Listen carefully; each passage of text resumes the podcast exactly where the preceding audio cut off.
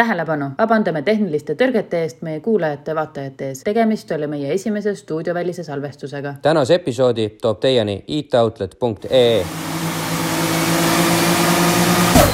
oi fuck, nüüd käisid kõik klapid pähe.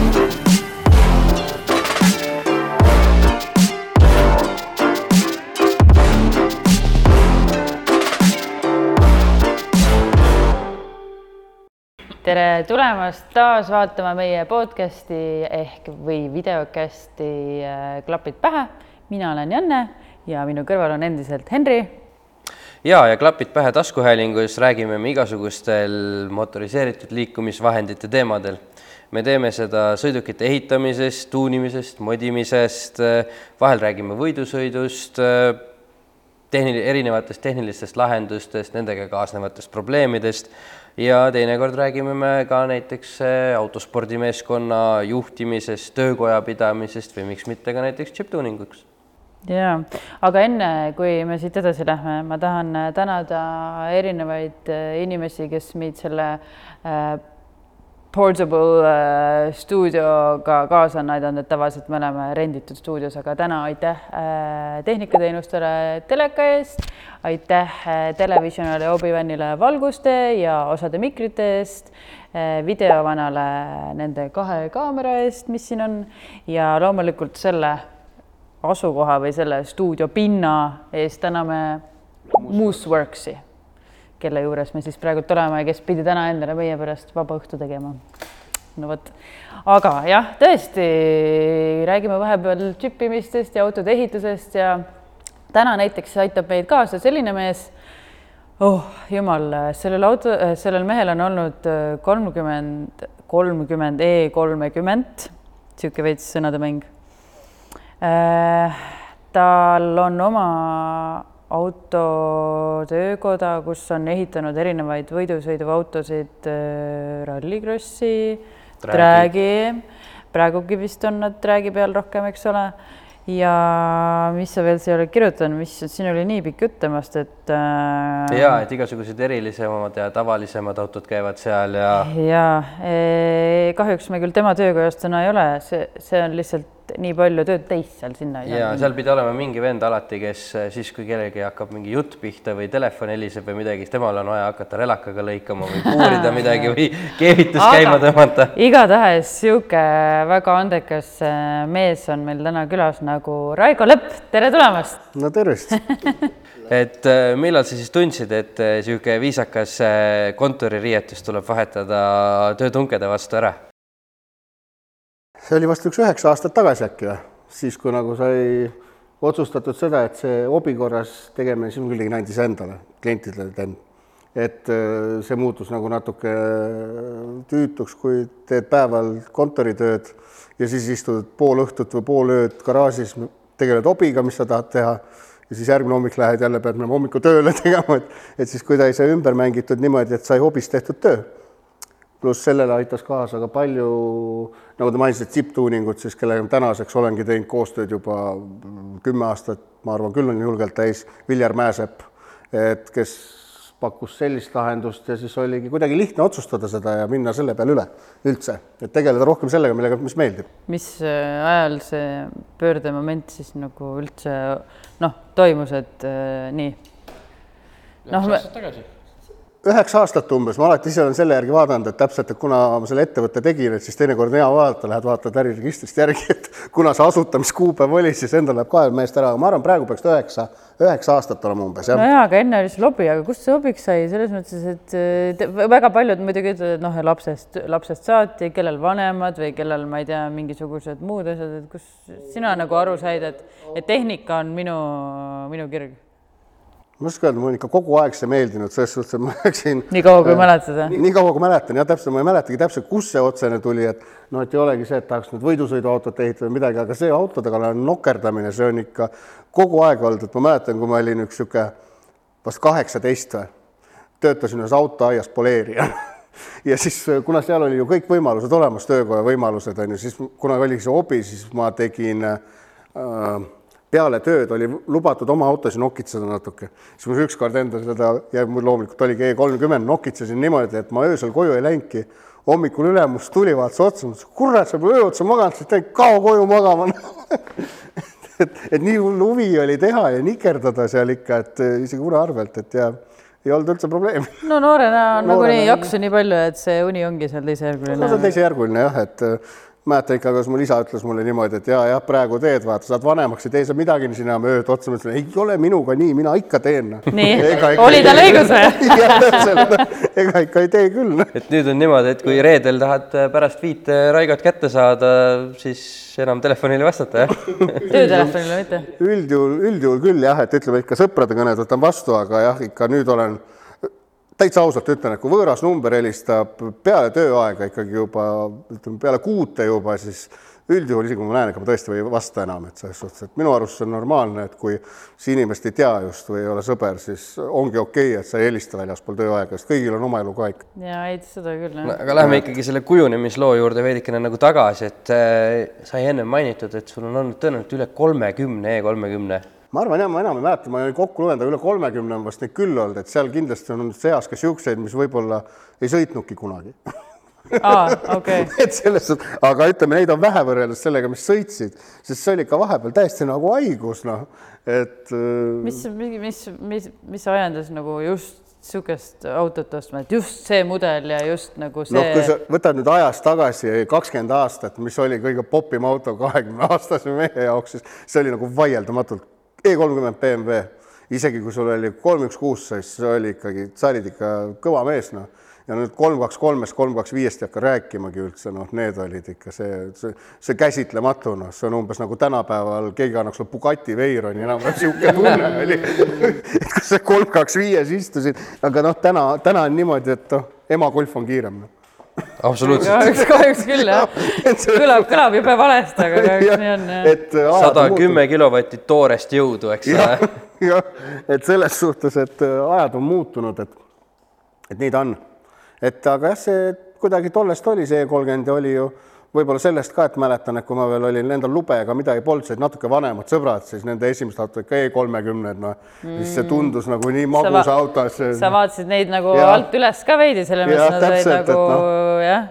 aga huvitav, et meil ei ole nagu a la mingid Mercedesed või, või siuksed autod ka tagaveolistes suhteliselt suurte Mhm. mootoritega, et need pole nagu kunagi niimoodi kande kinnitanud, et meil no siin Eestis on ikka sellepärast äkki või? nagu. ei, vaata, vaata see on nagu huvitav nagu riikide, riikide kaupa ma ütleks täitsa, sest näiteks niisugune väga hea lihtne näide on äh, Mitsubishi Evo ja Subaru STI on ju äh,. Eestis, kui sa tahad ikka ägedat niisugust pilli, millega siin lasta mingi kruusateed või asjade peal, mille tänava peal ka sõita, vaieldamatult on see Evo, kõik ütlevad, see on Evo, Subaru on, ei.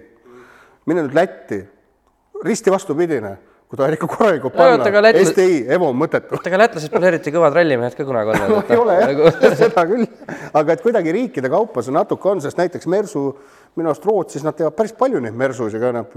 no ongi, eks ole, turbopandid ja kõik. turbopandid ja asjad kõik on jah, jah, et ta kuidagi nagu mingis riigis kujuneb mingi arvamus või liikumine vaata, see rootlastele meeldivad siuksed telliskivid. noh, nende oma Volvod ja tõsi jah, neil oli see hea joonlaud oli seal sirge. ja ju, ja jah, seda et küll äh, vanad Mersud olid ju ka suht sellised nagu jah, tegelikult jah, jah, kui sa nüüd Volvo, vana Volvo ja vana Mersu kõrvuti paned, siis tegelikult seal nagu Sarnased. on- pimedas võivad päris sarnased olla, eks ja ole. saad sarnased olla jah, et selles suhtes, et aga jah, eks ta nii on, et too aeg oli see ikkagi vaieldamatult kõige kõvem auto oli nooruspõlves, see oli ikka see kolmene bemm. kui te vaatate isegi mingeid äh, naljasaateid vanast ajast mis on ikka rullnokk või kellel oli Oli jaa, odav, et see ikka kolmene bemm, et selles suhtes see oli vist Vremja, millest sa räägid. Vremja oli, jah, see- ei no Raigo oli prototüübiks lihtsalt sinna, ilmselt stsenaristid tundsid. täpselt, et ähm, aga sul oli üks kuradi äge kuldne selline ka, eks ole oi, see kuldne on, ma arvan, et inimesed, kes ütleme samasse siis generatsiooni kuuluvad, kus mina, Tartu inimesed, need kõik teavad, see legendaarne auto, noh. see oli see aeg, kui Kiired ja vihased esimene film tuli ja siis, kus seal oli vaja, et äh, ukselingid kinni, et ukselinke ei olnud, liiste ei olnud, numbrialus kinni, kuldseks värvitud, Subaru tiib taga veel, see eraldi tea Sellest. pilti ei ole või? mida? Tee. võib-olla tek- tekib ja saab montaažis lisada pärast. okei okay., seda oleks äge näha lihtsalt praegu. leiab ikka ja siis äh, tolle, tooaegse tehtud, mäletan isegi nii äge oli, et äh, nii jubedalt oli see link, kus link, kus autosse saad, peegli all oli juhtme jupp, kus panid tõksti vastu, siis hopsti uks lahti et see on niisugused lahendused. aga tegelikult väga elegantne lahendus ju selle aja kohta, et noh, nagu no, täna paneks nupu väikse või mida iganes, aga too aeg nagu noh. sul oli kaks juhet, mis sa panid ja, nagu kokku või? jah, põhimõtteliselt ja siis, et uks ju peaks nagu natuke lahti ka tulema, onju, siis oli pandud kummilõdviku ukse piiraja vahele, kui lükkad kinni, siis läheb kerge pingega, et nüüd kui lukusti pääseb, et siis lükkab klõksti lahti Need on kõik ise välja mõeldud, niisugused aretused, vaata.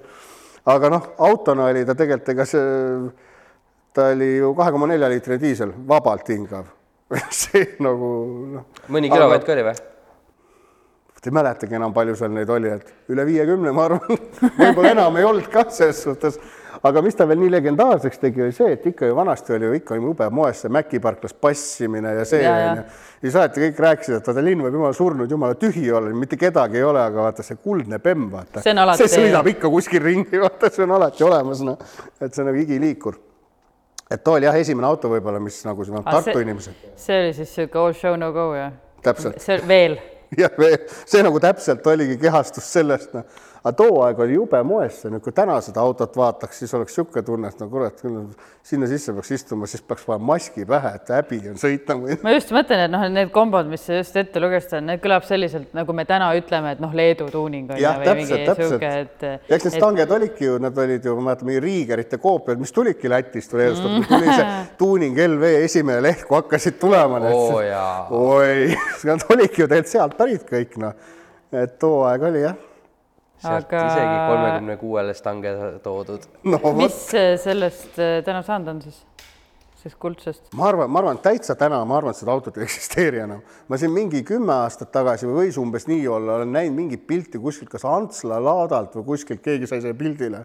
aa, et oli no, ikka nähtud umbes, jah? jah, et ta oli veel. Subaru tiivaga ja oli ta... Subaru tiivaga veel või? ja see oli Subaru tiib nagu STI-l oli, STI tiib veel Lätis lasin teha. STI tiib on ilmselt ainu-, noh, STI on ilmselt ainukene auto, millele STI tiib sobib, sest ta on ja. selle jalaga ja läheb niimoodi ja. laiali. ei, kusjuures neid, kui ma õigesti mäletan, ta sai lastud teha niimoodi, et peabki pildi otsima, sest et jalgu all ei olnud neid, mis nii lähevad, vaid ta lõppeski nagu niimoodi ära, aga ta oli täiesti Subaru tiiva järgi ülevalt tehtud et ta, ta oli veel ja kõik noh, aga no ma räägin, tollel ajal see oli ikka no väga äge noh, selles suhtes kuule, siis oli ju see, ma ei tea, kas sellel ajal, võib-olla see oli natuke hiljem, oli see Pimp My Ride, kes tegi ka teiste, teiste autode tuuninguosasid pani just. nagu külge autodele ja tegi mingeid X asju ja see oli lahe.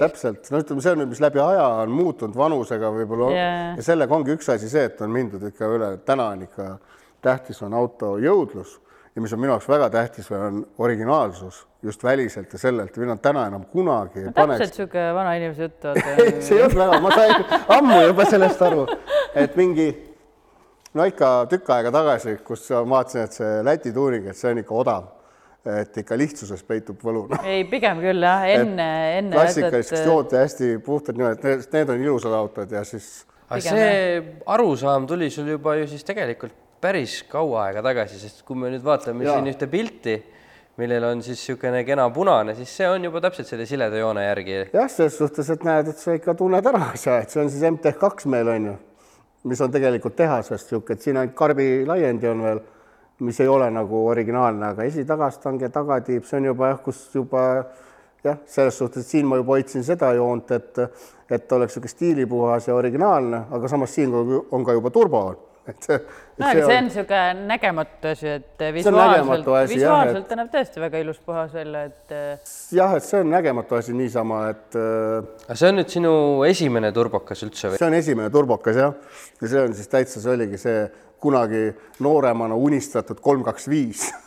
et see nüüd. lõpuks said kätte siis. lõpuks sain kätte, see vist oligi, ei, see ei olnud esimene kolm, kaks, viis mul, aga see oli esimene turbomootoriga E kolmkümmend ühesõnaga kolm, kaks, viite oli ka ilma turbata või? jaa, olen üritanud ka ilma turbata, esialgu proovisin nii lihtsalt läbi saada, teeks vabalt hingava võimsa mootori, teeks hästi palju pööret ja kõrge surveastme ja aga nagu aeg näitas, et nad kaugele ei purjeta nende paatidega, et, et seal no, kippusid maru ebausaldusväärsed olema ja eks neid klappe käis seal pähe kogu aeg ja juppe lendas, et, et siia sai nagu proovitud, sest sai mingite rootslastega, kui ma ei mäleta, kuidas tuttavaks sain, kes sõitsid ka turbopemme Messengeris ja kus me siis suhtlesime too aeg. ja ku- ah, ei, ma ei tea, Orkut. Orkut jah, et äh, MSN oli siis. MSN oli jah, MSN oli see ja ja sealt kuidagi see tuli ja siis tuli niisugune mõte ja lõpuks oligi siin turbo peal ja ja, ja siin siin seesama ongi see see kiirendus, ühesõnaga oli ikka ulmepill too aeg, sõitis kaksteist üheksa onju, mis oli too aeg nagu põhimõtteliselt üle helikiirus juba onju. no arvutuslikult ütleks, et circa nelisada hobujõudu võis siis olla seal. Tookord arutasime vist, et me arvasime et kuskil kolmsada viiskümmend, kolmsada kuuskümmend, et midagi niisugust võis seal olla tegelikult isegi. noh, aga ma ütlen nagu tooaegse aeg oli nii ammu, sa vaatad kogu seda üritust, seda ja siis isegi ma ei ole kindel, kas keegi oli kindel, kas ajavõtusüsteem üldse näitab õiget numbrit. nojah, see ka kindlasti. sest nagu arvutuslikult äh, ja teoorias, ma mäletan, tookord sai arvutatud just Dünos, selle autoga ei käinudki, aga et äh, sai arvutatud, et võiks olla kolmsada viiskümmend hobujõudu umbes, kus sinnakanti, et see oleks nagu reaalne arvutus, niisugune IHP vaata. aga aga millest see siis nüüd koosnes, et seal oli Oi, see oli väga M20 lihtne. mootor, eks ole, see oli väga lihtne, originaal M kakskümmend mootor, Audi K kakskümmend kuus turbo Audi kahe koma kahese pealt, siis Wastegate oli Audi oma. Fordi kütuserõu regulaator, mida sai ainult Serra kaks null toh mootori pealt, niisuguse korgitõmbest pealt oli kuus kant all, sellest said reguleerida rõhku ja turbosaabi pihustid, roosad pihustid ja summuti kollektor, kuuler, kõik sõitis aga mitte pikalt muidugi selles suhtes, et ikkagi originaalajuga, et ega, ega kaua ei sõida sellega, et eks ta ikka läheb katki, onju, et kaua sa ütlesid siis? ma vist tegin seda mootorit katki kas kaks või kolm korda enne kui kõrini sai. tal oli niisugune probleem, et õnneks ta nagu, kuigi noh, eks seal oli traditsiooni vist ka olla, aga see ei olnudki probleem, vaid ta kippus kaanetihendeid ära lükkama kogu aeg vahelt ja kaane sisse mõrasi tegema, et et öö, kaks või kolm korda siis sai kõrini. ja siis võtsid järgmise? No ma mõtlen, kolmkümmend sul nüüd oli, onju, et noh, et jah, järgmise kolmekümne. et siis noh, kui nüüd rääkida turboautodest, siis järgmine turbo, mis sai tehtud niisugune poolkogemata turboks, oli kolm üks kuus automaat E kolmkümmend, maailma kõige aeglasem auto on ju. ja sellel sai tehtud lihtsalt niimoodi, et no vot see Top Gear'i ütlus on, et how hard can it be, vaata saigi sõbraga võetud garaažist leitud, tegelikult see algas sellest, leidsime mingi turbokapist, mis polnud kellegi oma ja kellelgi üle jäänud ja vaatasime täitsa toimiv, toimiv tükk tundub oleks olevat. vaja kuskile panna nüüd jah see,, aga paneme peale siia selle, et ta on nagunii ühe koma kuue. maja ees auto seisis ja Häh? et maja ees auto seisis ja ei noh, ta oli nagunii ühe koma kuue, see nagunii midagi väärt pole, läheb katki, läheb katki, mis vahet seal nalja saab. ja hommikuks oli turbo peal seal ja, ja isegi kõigi kiuste müüsin maha hiljem selle auto, isegi minuga seal ei katkida ja see järgmine omanik sõitis kiirendusel sellega, mis neliteist üheksa või midagi niisugust, mis on tegelikult stokk kolm kaks viiest viie aeg põhimõtteliselt sinnakanti noh. et öö, üks kuue kohta ja automaatkass, see vana see no vanad olid kunagi- ja uimased ka veel ju. nojah, nagu, nagu ma ütlen, see oli see, see nagu mul see üks sõber, seesama, seesama sõber, kes on meil see mees, kes mitte pahatahtlikult, aga töökojas, nii kui sa telefoni võtad, nii et ta, ta isegi ei näe mitte midagi, kuuleb kuskil läheb rõllakas käima, ta nagu kohe alati on nii oskav aga too ütles vanade Bemme automaati kohta, kus siin Tartus Lõunaka ringi peal veel, kui tahad ooperi ringi peal külje ette lasta sellega, onju, siis Lõunaka ringi peal pead luti põhja lööma, vaata, siis järgmiseks ringiks lööb käigu alla. ega, ei, ega see ei olnud ainult bemmid, minu arust kõik need äh, vanad Bemmid olid aeglasemad, vanast Bemmi kastist on ainukene aeglasem kast Mercedese kast. Aga Mercedes muidugi ei õppinud seda kiire kasti tegemist ära ennem kui kuskil vist mingi kaks tuhat, ma pakun viisteist äkki või neliteist või kaksteist, midagi sinna, kui Mersu seitsmekäigune kast tuli, too juba töötas see oli juba kaks tuhat üheksa, kümme. või üheksa, kümme, et nood nagu olid juba sõidetavad, aga see, mis enne seda toimus, see oli täpselt niisugune hallipäise No mehe auto, et kus meil kiiret on, rahulikult, küll ma vahetan selle käigu ära. oota, oota, oota, ma otsin nüüd õiged need. jah, täpselt noh, et ta oli nagu täpselt niisugune auto. aga nii ta läks, siis too sai ära müüdud lihtsalt. millal sa siis tundsid, et nüüd on nagu aeg E kolmekümnetega lõpparve teha? kolmkümmend aastat hiljem. põhimõtteliselt kolmkümmend autot jah, niisugune, ma ei mäleta täpset numbrit, ma tean, et see on üle kolmekümne kindlasti, aga mitte palju. See võiks olla- kunagi olen lugenud, aga tead, see lugemine käib umbes niimoodi, et loed kokku, et ahah, kolmkümmend üks on ju, jah, kolmkümmend üks tükki oligi, Siis tuleb meelde mingi- aga see auto oli jaa, ka täpselt, tuleb sinna vahele. sul võiks mingi kollaaž olla kodus seina peal, vaata niimoodi, kus kõik on niimoodi. mõni ilmselt ei olnud nii pikalt käes, et oleks jõudnud pilti teha. ja, ja siis ei olnud seda siis ei olnud seda nutiajastut. äh, nutiaega sellest, et siis olid ju need seebikarbid, millega see pilti teha ja see oli ka tegelikult luksus. ilmutama minema just, kuskile just.. Ja et kas sul oli sellel päeval, kui sul see E kolmkümmend oli ostetud ja müüdud ka õhtuks, eks ole, et kas sul sellel ajal see kaamera ei, ma kaasas nagu oli? selles suhtes ma nagu sellega ei ole kunagi tegelenud, et see nii-öelda nagu rondiärikas, et mul ei ole kunagi ostetud ükski auto olnud selle eesmärgiga, et ma müün ta maha. et selles suhtes see ei ole minu Enda ala. ikka kõik et alati kõik on enda jaoks kõik on projektikad olnud. ei, kas E kolmekümned olid kõik projektika pildid või? ei, ei, seal oli ikka mõistlikke autosid, jah, lihtsalt mõistlik auto sõita mõistlikke või? pigem ikka kakkusid projektiks, aga tegelikult see mõte oli kogu aeg kuklas ikkagi ostes, et, et mis ma temaga teen, et mis me siin mootori paneme, mis me teeme, mis, kust on ju. et see nendega kogu aeg oli jah, aga mis ajal see ei no nai- naine käskis osta mõistlikku autot, ta läks ostis mõistlikku autot, ta lihtsalt teadis, et ta ostab sellise, mida saab tuunima hakata.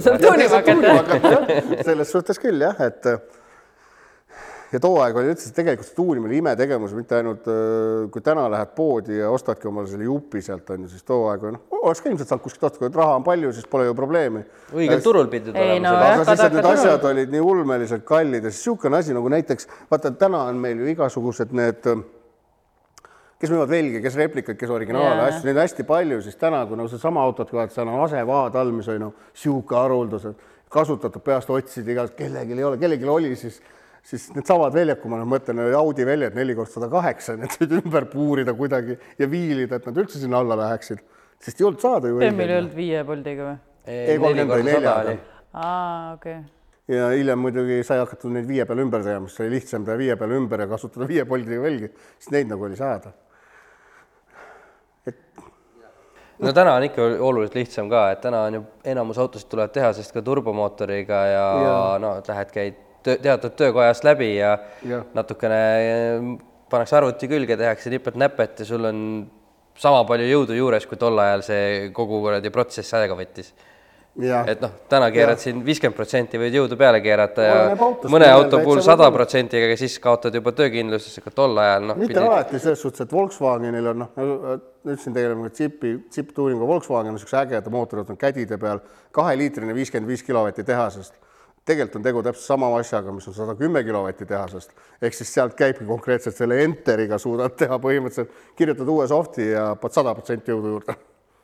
ja siis saab tegelikult veel natukenegi peale keerata. lihtsalt natuke veel pealegi keerata jah, et, et, et see reaalselt on aga olemas. kuidas see, ma saan aru, et see mingi võistlus on ju, kuidas seal läks?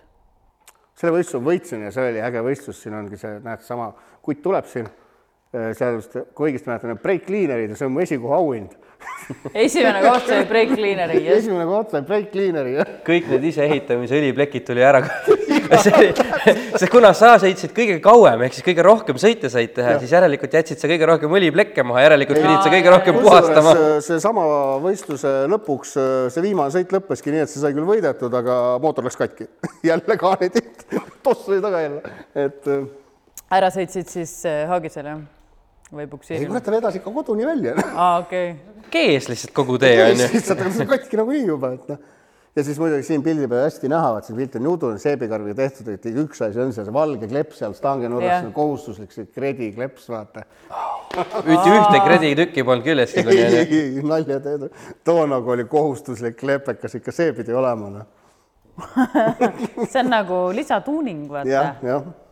See on see all show äh, osa sellest autost no ja mis siis nüüd edasi tuli pärast seda E kolmekümnete perioodi?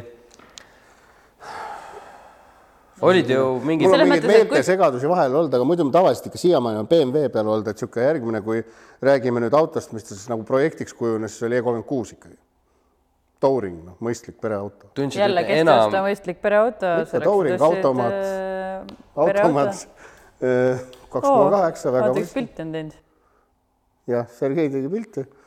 aga tegi mitte sellepärast seda pilti, et see auto nii mõistlik oli, vaid selle pildi peal sellel autol juba üle tuhande ühesaja hobujõu see oli nüüd see lõpptulem siis. no ma tean, et seda nagu tehasest küll ta sellisena ei tulnud, et eh, mis Ei juhtus vahepeal vot. selle auto puhul on näha seda, mis ma just rääkisin, mis äh, mulle hakkas mingi aeg meeldima, et see puhas ja originaalne joon, see auto nüüd on täielikult minu arust ma ütleks täitsa tõupuhas väljas tehtud, maitsekalt, õiged asjad on küljes kõik. ah, sind on päris ilus sile ka, vaata täna enam ei näe selliseid äh, Jah. siledaid, suht roostevaba vist isegi.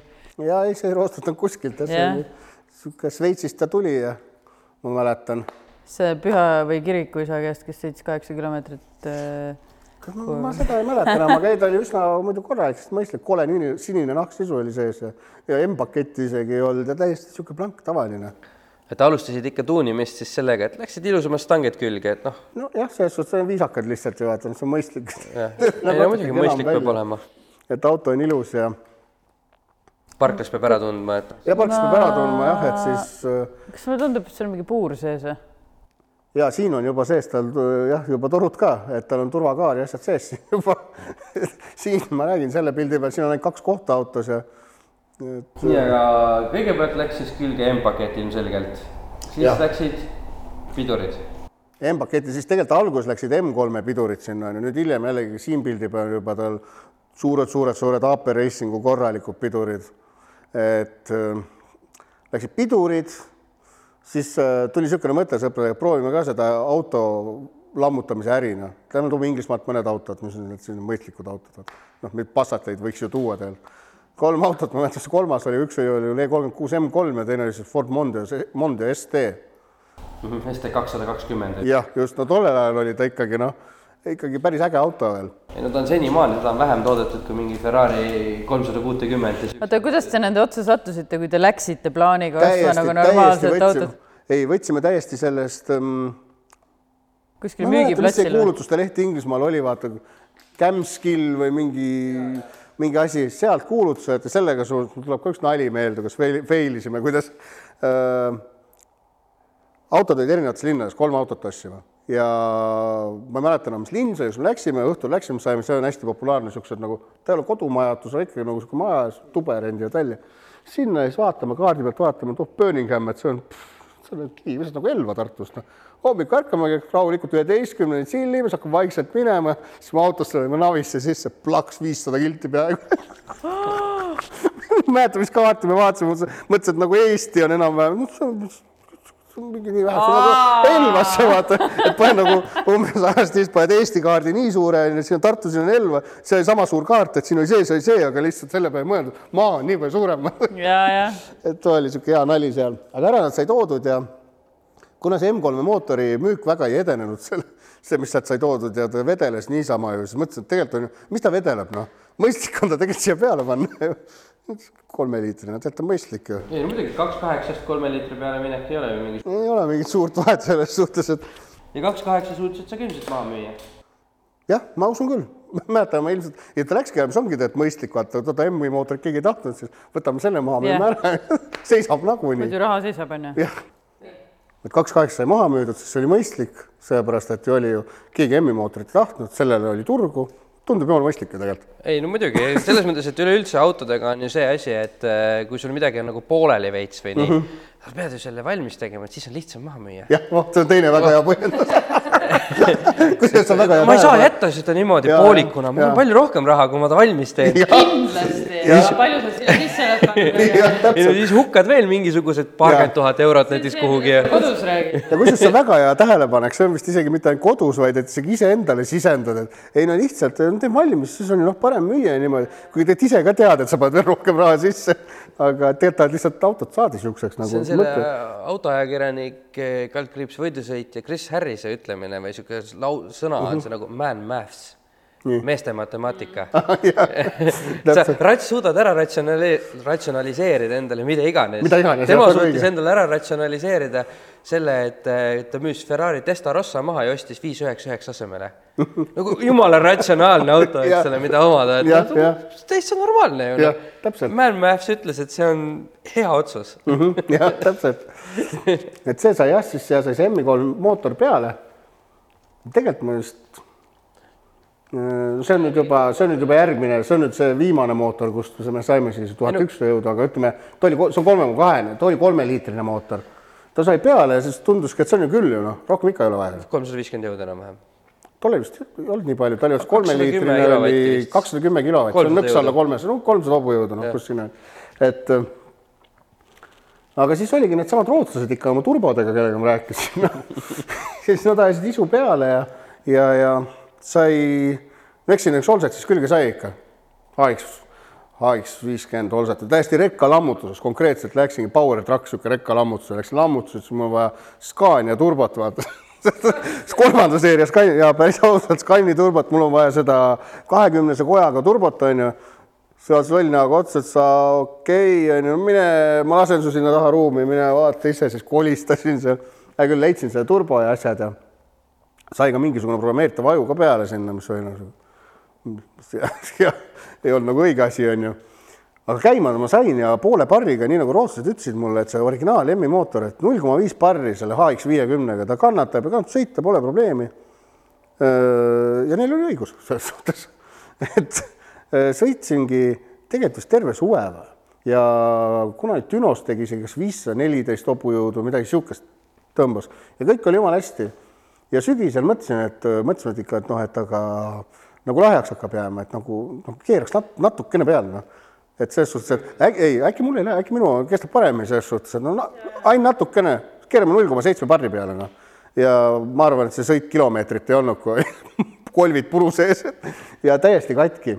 ja kuna, kuna tule auto ehitajast tekkis mul mingi teine probleem ka, mida ma hästi ei mäleta, mis see oli. ja ma teadsin, et ilmselt võib mind aidata niisugune mees nagu Viljar Mäesepp aga temaga oli selline jama, et ma olin ju kuulnud igalt poolt siukseid jutte, et nii kui Villerile helistad või lähed, et kui ta hammustab, kohe hammustab tüki küljest, suure tüki kohe noh.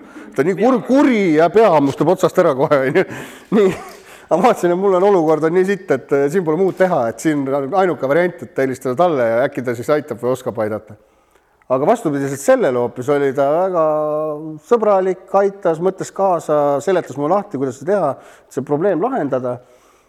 tänu sellele sai see lahendatud aga nüüd, kui ma katki selle tegin, siis ma mõtlesin, et Viljar lahendas tolle jõle hästi ära, siis see nüüd see uus mootor, see, mille pilt meil siin on, siis ma mõtlesin juba, et ma siis äh,, Viljaril on teadmised, asjad, ma nüüd siis nüüd räägingi temaga sellest, et teeme nüüd siin ühe korraliku mootorika, kuhu me teeme seitsesada hobujõudu, maksimum. No, see, see on, see on maksimum, võib-olla nii palju, võib-olla nii palju ei keeragi noh, aga noh, seitsesada maksimum. Ja kohe siin pildis see Precisioni turbo, mis siin on, see suudab puhkuda tuhat kakssada hobujõudu, et seesama, nagu sa ütlesid, see meeste matemaatika, vaata, et suutsin enda jaoks ära ratsionaliseerida selle, et mille pärast mul peab olema turbo, mis suudab tuhat kakssada hobujõudu. suur turbo madalamal rõhul järelikult noh. no ja ikka ta on mõistlik jah, jah, seda ja siis samamoodi näiteks siia mootorisse sai Carillo kepsud sisse, mis on teadaolevalt kõige tugevamad teraskepsud, mis kannatavad kakssada viiskümmend hobujõudu silindri kohta loogiline, et siis ehitad mootori, mille pool kannataks juba seitsesada viiskümmend hobujõudu ja, ja niisugused asjad, et ja see mootor ehitatigi juba tegelikult äh, VKM-is tookord. Äh, ma ei ütle praegu, kes selle seal ehitas, sest võib-olla valetan, muidu ma ei mäleta enam, kas see oli Tõnis, kes selle kokku pani või ei olnud. Et aga igal juhul see sai väga hea ja esimest korda, kui selle autoga Dünosse läksime, siis esimene tõmme täiesti baasseadega, esimene Düno tõmme oli seitsesada kuuskümmend hobujõudu. no see ei pidanud üle seitsmesaja, noh. no minu arust mõõte viga võib-olla. jah, mis tollel ajal tegelikult oli ikkagi niisugune ulme, et siis hakkasime nagu mõtlesime, nüüd hakkame seadistama, on ju, ja see oli Tartu. sa nägid seda number, mõtlesid, kurat vähe on. ei, mina too, kusjuures ma ütlen ausalt, too, et ma ütlesin, see auto tegi päris palju pööret ka, noh, rida kuue kohta jah, ja see hääl oli päris niisugune, seal kõrval ja numbrid ka nägid esimest korda, siis endal tulid kõik need jälle meelde, kuidas see auto aasta varem täpselt see suitsupilv taga oli, see, kui sai juurde keeratud. kuigi noh, siin oleks pidanud olema siis mootor niisugune, et no purunematu praktiliselt. ja siis ikka juurde ja mäletan, me saime sealt Dünost saime kaheksasada kuuskümmend hobujõudu, mille peale, ta oli hästi algusaeg, kui ei olnud Düno operaatorit õiget seal ja ja keegi ei teadnud ja riigivara ja kaheksasaja kuuekümne hobujõuga lükati meid pingist maha, öeldi mehed davai minema, nalja teete või? see on liiga suur number, et, et minge minema arvutis saavad numbrid otsa, ei, ei nad kartsid, nemad kartsid lõhkuda too aeg teda vaata, et keegi, et keegi ei tahtnud vastutada selle eest, kui midagi juhtub, noh. et siis vaadati, et number, noh, täna muidugi seal pole vahet enam, pane üle tuhande, tänaseks aeg edasi läinud. eks nad on, eks on ise õppinud ja nii edasi, et tookord ma mäletan isegi julgenud, ei lubanud dünopidurit kasutada näiteks tõmmates. et aga noh, ta oli ammu, too aeg pidi olema üks äh, üle kümne aasta tagasi. üksteist, kaksteist aastat tagasi vist jah. ahah, jah. ja niimoodi sõitsid sa siis sellega kaheksasaja kuuekümne hobujõuga, käisid? noh, niimoodi ma käisin jah, neid nii kolli, koll.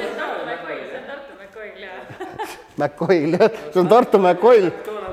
Tartu McCoy, kus ma käisin niisuguseid siis teisi turboautosid kollitamas nii-öelda et siin pildi peal on ka, et siin see Supra oli vist mingi viissada hobujõudu ja see Honda on mingi nelisada hobujõudu ja no, täpselt nagu see kiired ja ühed ajastu, et noh, et kõik nagu sealt on mingi šnitti võtnud. see on kümme aastat hiljem lihtsalt. jah, see on kümme aastat hiljem. vaata, rahakott jõudis järgi lihtsalt natuke. täpselt. et äh, see film. seda filmi on tehtud ka, ma ei tea, mingi kakskümmend aastat või? ei tea, see film on, ma arvan, var, varsti on see film nagu, kaks tuhat üks oli esimene osa. see, see on varsti nagu see, mis see seriaal oli, see Vaprad ilusad või Santa Barbara, mis jooksnud on kaua, kui meie elanud oleme ja ikka otsa ei saa, vaata. see kiired vihased, mulle tundub, et see on samamoodi, noh.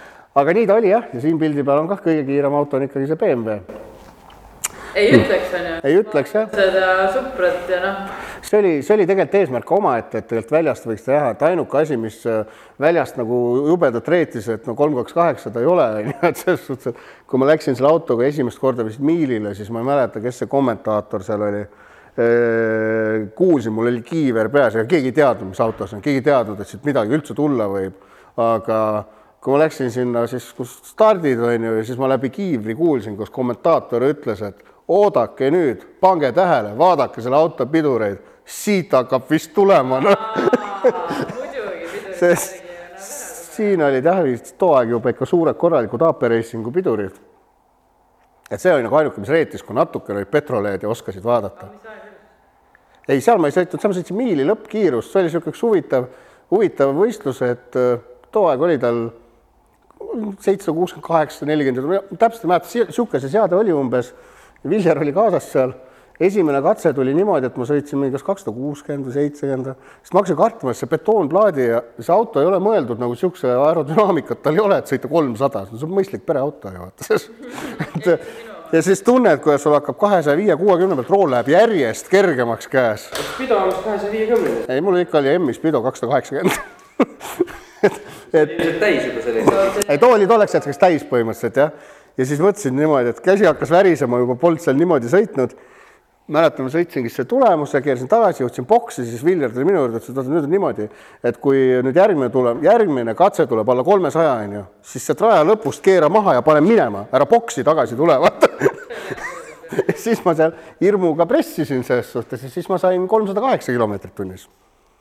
et, et, et sain boksi tagasi minna see on juba niisugune päris suur number, et ja et äh, see oli noh, piisavalt suur number, et äh, kahjuks oli siis niisugune tulemus. et ja see tuligi nüüd, äh, tegime suured plaanid, käisime, katsetasime isegi kuuenda käiguga, mis on piirajas kiirus, kolmsada kolmkümmend kaheksa oli vist tal kuues piirajas ja niisugust asja. tee peal. sellega seoses ma kinnisel kontrollitud territooriumil. Mustal asfaldiribal, mustal asfaldiribal, et selles suhtes, et see ajad olid erinevad, et ma ütlen, see nii-öelda siis hästi naljakas lugu vahele rääkida, et oleme sõitnud sõbraga seadistades vastu politsei värvides politseipatrullautole, niisuguse kuuenda käigu piiraja lähedal. Ja mõtlesin, niisugune tunne, jõnks käis läbi, et mõtlesin, no nii, kaks nädalat vähemalt aristikat ja vaatasin peeglisse ja need pidurituled läinud isegi korraks põlema, et kujutage ette, täna ta kuskil tulla niimoodi see on nagu filmides, vaata, vend istub, joob kohvi, sööb seda sõõrikut ja siis järsku auto väriseb niimoodi ja et näed, Et, sealt äh, see mõõdikul tuleb järsku mingi viimased numbrid ette nii-öelda üheksa, üheksa, üheksa, mõtleb, et kuradi lollakad käivad siin oma lennukitega, mul on madalal lendamas. et see on jah, niisugune, et äh, isegi see kiirus seoses kunagi väljaspool Eestit sellesama autoga, meil üks kah kõva filmimees Vänts on ju, kes siis VKM-is tegi lugusid ja seal bussis, VKM-i tiimi bussis filmis kedagi mingi intervjuud ja siis ta pidi ühe jupi vahelt ära kustutama, sellepärast et sinna kaadrisse jäi samamoodi, kuidas nemad lihtsalt olid ja siis käis sihuke poh kuskil mitme-mitme-mitmerealise kiirtee peal, et sellest samast autost aga ei, see vari jah, see tuli nüüd, plaanid olid suured, oligi sõita siis see kuues piirajasse seal, sai keeratud kõvasti jõudu juurde, tuhat ükssada kuuskümmend jõudu tuli pingis. ja see oli nii pettumust varitav, valmistav üle, üritus, et esimene, esimene katse lõi turbolõdvik lahti, läks katki, ma mäletan. ja teine katse sadas vihma, ehk siis mingi kaks-kolm kuud ettevalmistusi ja jamamisi ja ma ei tea, kuni sinnamaani välja, et kauplesime Tartu lennuväljalt loa pidurdusvarju testida selles suhtes, et õhtul peale üheksat lennukit ei maanduda, aeti tuletõrjed asja kohale, panime see kõik nähtud vaeva tehtud ja tulemus null. aga selle natukene tegi nagu magusaks see, et siis oligi, tuju oli nii paha, et sõpru oli ka, et siis ikka lähevad välja sellest, noh, lähme teeme mõned õlled ja vaatame võib-olla Aafrikasse ka sinna ööseks hotelli ja, ja siis sealt tuli välja see, et ta järgmine päev on Audi klubi trääg. ja kuna äh, eks ma neid Audi mehi ka ikka te, Audi klubi trääg, jah, minu arust mäletan õigesti, see oli kinnine üritus, kus olid ainult Audid kuts- o, nagu oodatud. minu arust neil oli täiesti isegi oma ajavõtt täiesti. ja, ja jah, jah, väga hea ajavõtt seevad. jah. ja too päev lõppes niimoodi, et seesama autoga kõige kõvemas klassis, mis seal oli, võtsin esikoha, mis ma mäletan vist põhiliselt, vist ainsa BMW nagu ma ei eksi, minu arust seal ei olnud teisi autoid. okei okay,, see esikoht tuli küll võib-olla natuke niimoodi, et Mati Põllul läks auto katki, aga noh, sellegipoolest, et ikka maru. Nendele audimeestele küll nagu hea sihuke. no see on ikka hea, et selles suhtes, et kui see okei okay,, Mati auto oli katki ja ta oleks ilmselt kindlasti, kindlasti oleks mööda sõitnud must, aga noh, see ikka, mul on karikas siiamaani ikkagi riiuli peal, et Audi klubi Drag esikoht ja ma ei mäleta, mis see klass oli, kõige kõvem klass, noh. see on juba niisama magus see on magus jah, et selles suhtes. Ja ma ei mäleta, kas diplomi peal oli minu arust ka automark kirjas BMW kolm kaks kaheksa minu arust oli, mul on see kontoris, ma vaatan seina peale pandud veel ilusti klaasi alla, et, et siis Audi meestel on hea vaadata, et see AC Club Drag ja siis BMW kolm kaks kaheksa esikoht. see oleks nagu auto pilt juures olla, see on nagu kõnetaks paremini kohe täpselt. sihuke see. nagu, nagu Audidki mõistlikud pereautod, et noh, vaata millised need S4-d või mis need on, kõik seal sõidavad, et noh. Noh, täna sul seda autot ei ole, mis täna ei ole jah, isu selle, sai täis nagu. isu sai täis, või see, sul ei olnud enam sealt edasi minna või, või isu sai täis, sest mulle tegelikult hästi üldjuhul ongi nagu meeldib rohkem see protsessi aretamine ja ehitamine on meeldinud, et ükskord, kui see kõik saab valmis, on ju, siis noh, ma ütlen, sai tänavaauto ka, siis sa sõidad temaga tänava peale, siis on nagu valmis, pole minna kuhugi. jah, teine, garaaži minna või midagi teha, et ei viitsi seal kodus olla, onju. no täpselt, et. Pole midagi teha, teine asi on, siis saad aru, et on ikka ebamugav, sidur on nii raske ja, ja igast muud hädad ja, ja, ja ei, et ei, ei, et äkki oleks aeg nagu ära lõpetada selles suhtes, et noh, küllalt ju tehtud juba ja lõpetame ära, ostame normaalse mingi mõistliku auto endale onju. ja nii ta läks. mäletagi just tookord äkki, äkki ma, mul on vahepeal niisuguseid hetki ikka, kus ma ostangi nagu korraks mõtle, mõtlengi, et enam, et nüüd on kõik, et nüüd nagu rohkem ei tee, ostangi mõistliku auto onju, käed enam ei hakka sügelema jah, ütleme niimoodi, et see on ikka niisugune auto, et selle eest ikka kiirendusel mõni stardikohtunik isegi natuke kartis seda autot, sest noh, üks mees vist sai ükskord tagumise pooltelje kuuliga vastu jalga, see starter, kes kiirendas, sest, sest sellele autole kõik oli äge, aga no mootoriga probleeme polnud, aga no see veoskeem küll seda jõudu vastu ei võtnud, et nojah, ta ilmselt ei ole nagu tehasest mõeldud selliste asjade jaoks nagu inseneride poolt onju. ma millegipärast arvan jah, et seda autot tehes no insenerid nagu ei arvanud, et see niisugune tulemus, keegi, keegi nii tahab teha. jah, kes kõigil on nii siukseid asju tegema just ja, ja siis näiteks üks huvitav asi, mis sain hakkama näiteks kardaane väänas nagu käterätte välja, sõna otseses mõttes võtta käterätid nüüd sõlme, et enam-vähem niisugune see kardaan välja nägi pärast noh. et äh, mis sa siis panid mingi tugevama pärast või?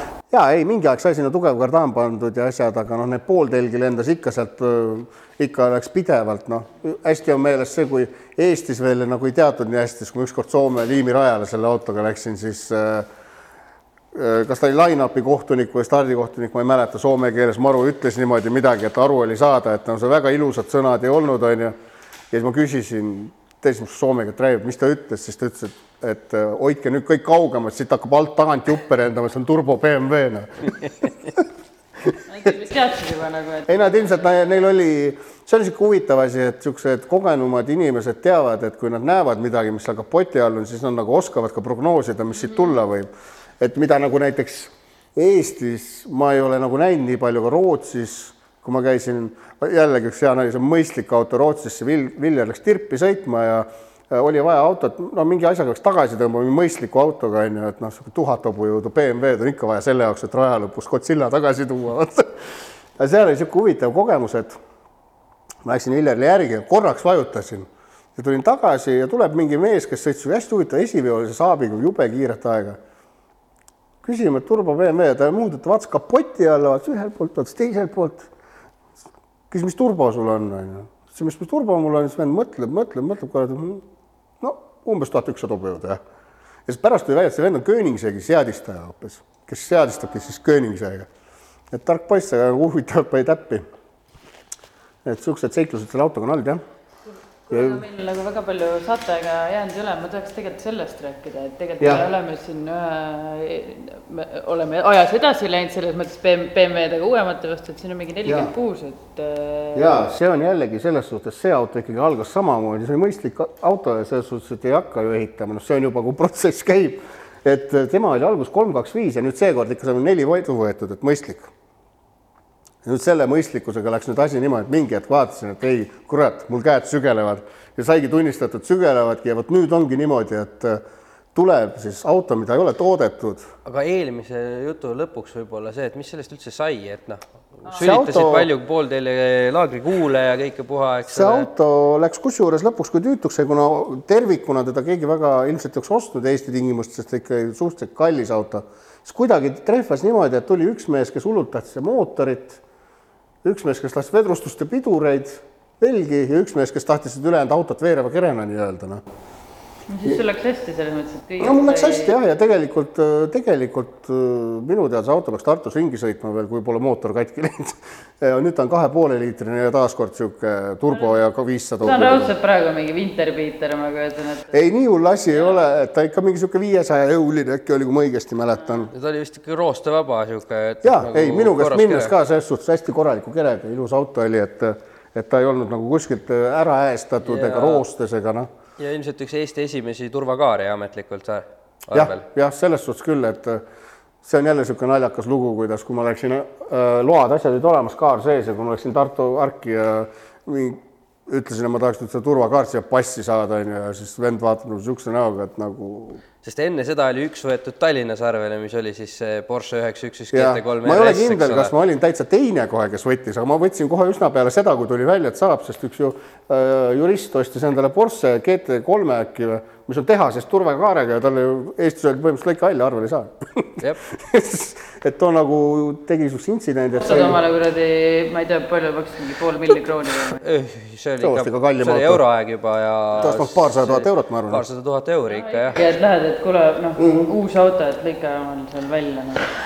et ei ole, et tal oli see-eest öelda, et umbes, et Eestis arvel ei saa või jah, jah et äh, umbes võta mujal, kui tahad, aga siin umbes ei saa või mm, -hmm. või midagi sihukest oli, et äh, ühesõnaga, käis kuskil kohtu või tegi need mingid nii-öelda ühesõnaga ta võitis ainult Eesti riigi või kõik Maanteeameti või kellega andis kohtusse ja, ja vaidles seal ja ja seal võitsime, sest selle kohta on ikka nagu niisugune hea ütlus on selle Euroopa Liidu kohta, et vaata Eesti on niisugune kuradi saksa täpsus, kus see oli, et vene lollus saksa ei, ta täpsusega ei olnud kuidagi niimoodi, et ta oli ma võin teda praegu meelde, ta oli kuidagi see, et saksa täpsus, eestlase idiootsus või kuidagi nagu, et ühesõnaga, et võetakse kõik paberi pealt need saksa reeglid ja asjad autonduses tõmmatakse näe mustvalgelt nii on, ilma süvenemata või mõtlemata, kuidas tegelikult mõni asi on või sõnastada, et et see on jah veider, näiteks Saksa asi on võimalik, kus sul on vastavad paberid, sa saad ju autot tuunida päris palju, noh.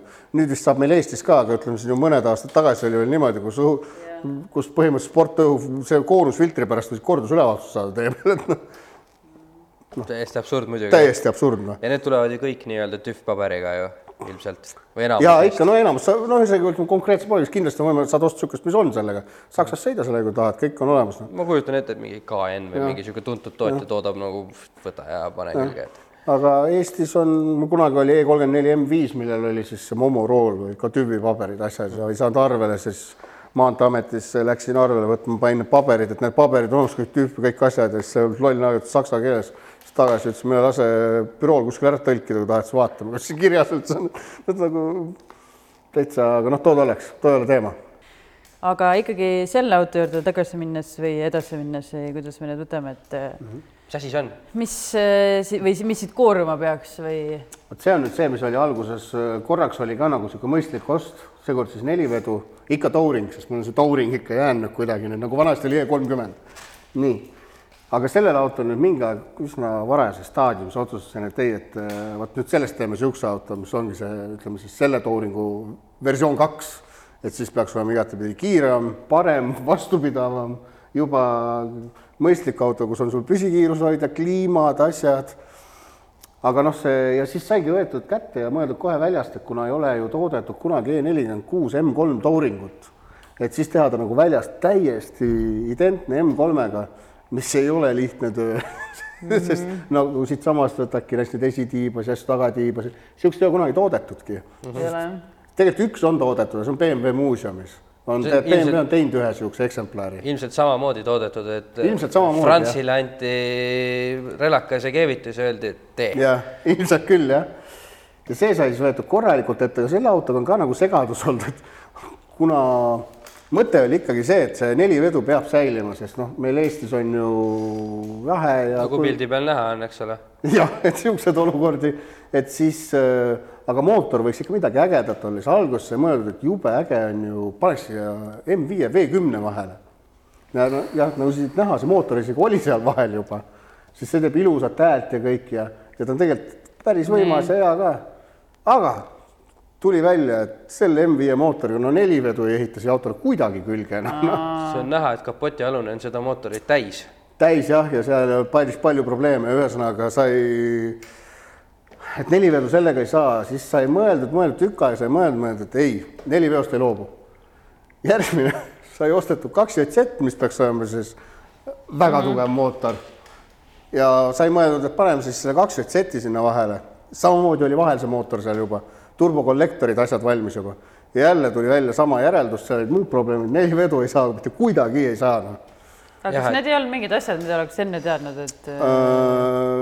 jah, see ei, vot ei mõelnud selle peale, ei tulnud selle peale siia võib-olla, see on nagu nii, ütleme, see on esimene põhjuse ka, et miks kaks JZ-iga ei saa neli kaks JZ-iga näiteks on sellepärast, et kui sa paned selle mootori normaalselt siia paika. eks tema on püstine mootor. püstine mootor ja paned normaalselt paika, siis tal lihtsalt vänt, vändaliin on nii all, et põhimõtteliselt noh, noh, kui sa pool telli läbi väntvõlli viid, siis pane küll seda otsast käima, onju. läbi karteri veel saaks kuidagi läbi vedada. karteri veel saaks, onju.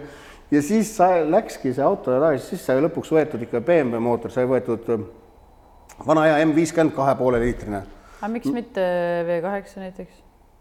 Mm, sellepärast, et ma ei oska sulle öelda, see, ma arvan, et oleks tekkinud jälle sama probleem see neliveoga. ma ütlen ausalt, V8. ei, aga V8-t ma ei usu. Ma tean, et ma üks rootslane teeb Äh, kahe turboga nelivedune V8 ehk siis M kuuskümmend kaks B nelikümmend neli. ei no tõesti, ma mõtlen, et äh, selle peale isegi see on mõeldud. X5-lt on ju tehniliselt no, lahendus nagu olemas, eks ole. jah, tegelikult selles suhtes sul on õigus mm -hmm. jah, mhm. loomulikult on, aga nüüd ma ei tea. kolmelt täpsemalt. jah, aga me ei tea nüüd, kui kõrgel see mootor istub seal, et noh, et näiteks selle. madalalt puhul..., tal on kuiv karter. aa ah,, okei okay et selles kuule, paneme siin mingi uued mõtetele peale, las ta proovib nüüd sellega. hakkab praegu kerima vaikselt. see ei, veel ei keri, saigi võetud see, vot see on nüüd see mõistlik aspekt siin, see vana hea kahe, katepoolene nii-öelda, vaata, et eh, M viiskümmend mootor, noh, see sai Strokeriks tehtud, nüüd on kolm koma kaks liitrit.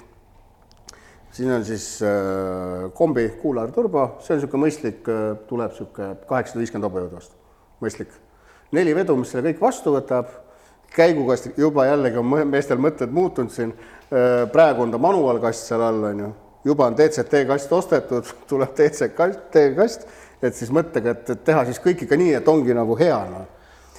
aga seda autot on ehitatud vist viis aastat juba vahelduva eduga. no sina oled ise ju selle kõik keevitanud, mis siin väljaspool on, eks ole, nagu oma on, kätega. ütleme, värvitööd mina ei teinud, on ju sellega ei tegele mina, aga muidu ütleme, et see auto välimus nagu, ütleme nagu siin pildi peal näha on, et ta saada enam-vähem nii kaugele, see on ikkagi kõik minu tehtud. ja siin on tegelikult, kui ta praegu võib tunduda niisugune üsna nagu tehase välimus, siis tegelikult muudetud on jube palju. uksed, esiuksed on täiesti puutumata, kui nüüd meenutan, katuseplekk selles suhtes ehk ülejäänud asjad on kõik muudetud, stanged, asjad, mida, esistange on ka originaal ja kapott, need on ka, mida ei ole üldse näpitud, muidugi M3 omad on need mõlemad. ülejäänud detailid on kõik muudetud, et nad istuks tooringu külge. see oli päris suur töö ja see on mul jah, kõik ise tehtud. Mul üks äh, sõbranna teeb oma tuuringule kupee esiotsa, mitte küll M-i mm, -hmm. aga kupee ja seal on ka, et ikkagi on lõiganud ja kleepinud ja, ja ma ei tea, mis asju ta seal teinud on, et jah, nüüd mul tuleb ka ette, et ei ole niimoodi Bolt on tükk see väga ei ole. Tiivad on täitsa erineva pikkusega näiteks, et noh, et tahaks nagu muidugi päris huvitav situatsioon oleks, kui selle autoga teha mingi niisugune kerge parkla mõlkimine, tiib ja kapotinurk ja stange, et siis kuidas kindlustus asjaga toime tuleb. sest kindlustusel on ju kohustus auto taastada, kui auto on taastamiskõlblik.